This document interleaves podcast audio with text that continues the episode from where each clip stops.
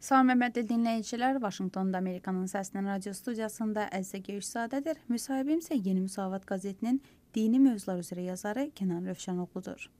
Kənan bəy, ə, necə düşünürsünüz bu son baş verənlər, yəni Şeyxülislamın Çexiyada biznesinin olması haqqında məlumatların yayılması, bundan sonra onun qudası Hacı Qalibin ə, şeyxin oğlunun xarici köçməsini elan etməsi, bununla bağlı Qafqaz Müsəlmanları İdarəsinin təqzib bəyanatı, daha sonra Hacı Qalibin oğlunun həbsi şeyxə qarşı hər hansı təzyiqlərin olması ilə əlaqədardırmı?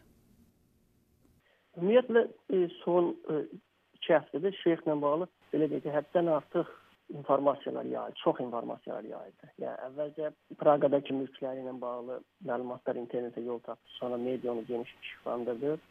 Ardınca Şeyx Rüstəmin oğlunun onun varisi olacağı haqqında açıqlamalar oldu. Onu da Qudası tərəfindən verildi ki, Şeyx Rüstəm sonra onun oğlu onun varisidir. Belə bir açıqlama oldu. Ardınca bu sizin qeyd etdiyiniz məsələlər oldu və bir də bir maraqlı şey oldu ki, keçən həftə Qafqaz Müsəlmanlar İdarəsində Məhərrəm ayının gəlməsi ilə bağlı keçirilən toplantıda Şeyx Rustam ilk dəfə olaraq belə deyək, dövlətin məscidlərə müdaxiləsini e, belə deyək, açıq şəkildə münasibət bildirdi və qınadı ki, dövlət məscidlərin içinə qarışmamalıdır, dindarların necə ibadət etməsi e, onların öz işidir.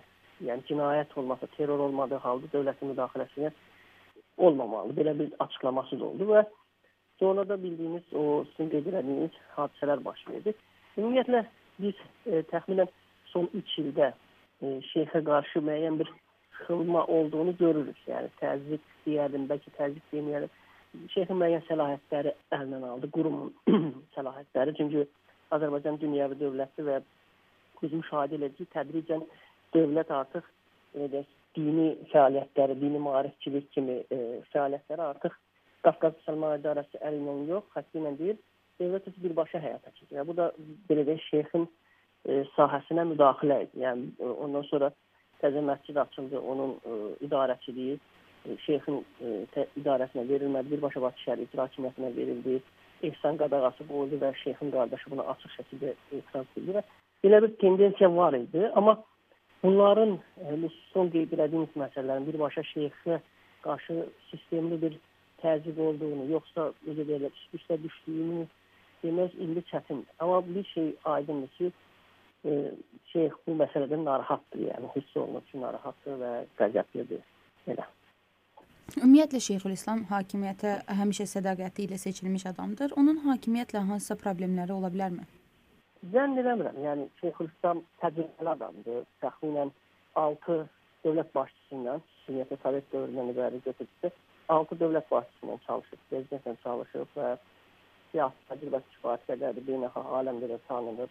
Hazırki hakimiyyətlə də çox yəni iç-içədir və çox yaxın münasibət. İnanmıram ki, dövlət səviyyəsində deyil, ən üst səviyyədə şeyxə qarşı bir gözdən salma var.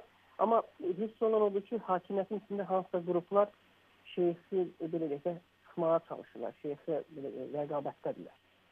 Həm bu qeyd etdiyim bir neçə sahələrdə, məsələn, şeyxin sahəsinə dövlət qurumlarının müdaxiləsi, ondan sonra zaman-zaman onun belə onun və yaxınlarının biznes fəaliyyətlərindən bağlı məlumatların çıxması onu göstərir ki, və bizim müşahidələrimiz göstərir ki, çox məsələlər var ki, deyəsə sanki hakimiyyət içərisində bir təzyiq deyəlim, bir e, xılma deyəlim var. O, o tendensiya var, hiss olunur.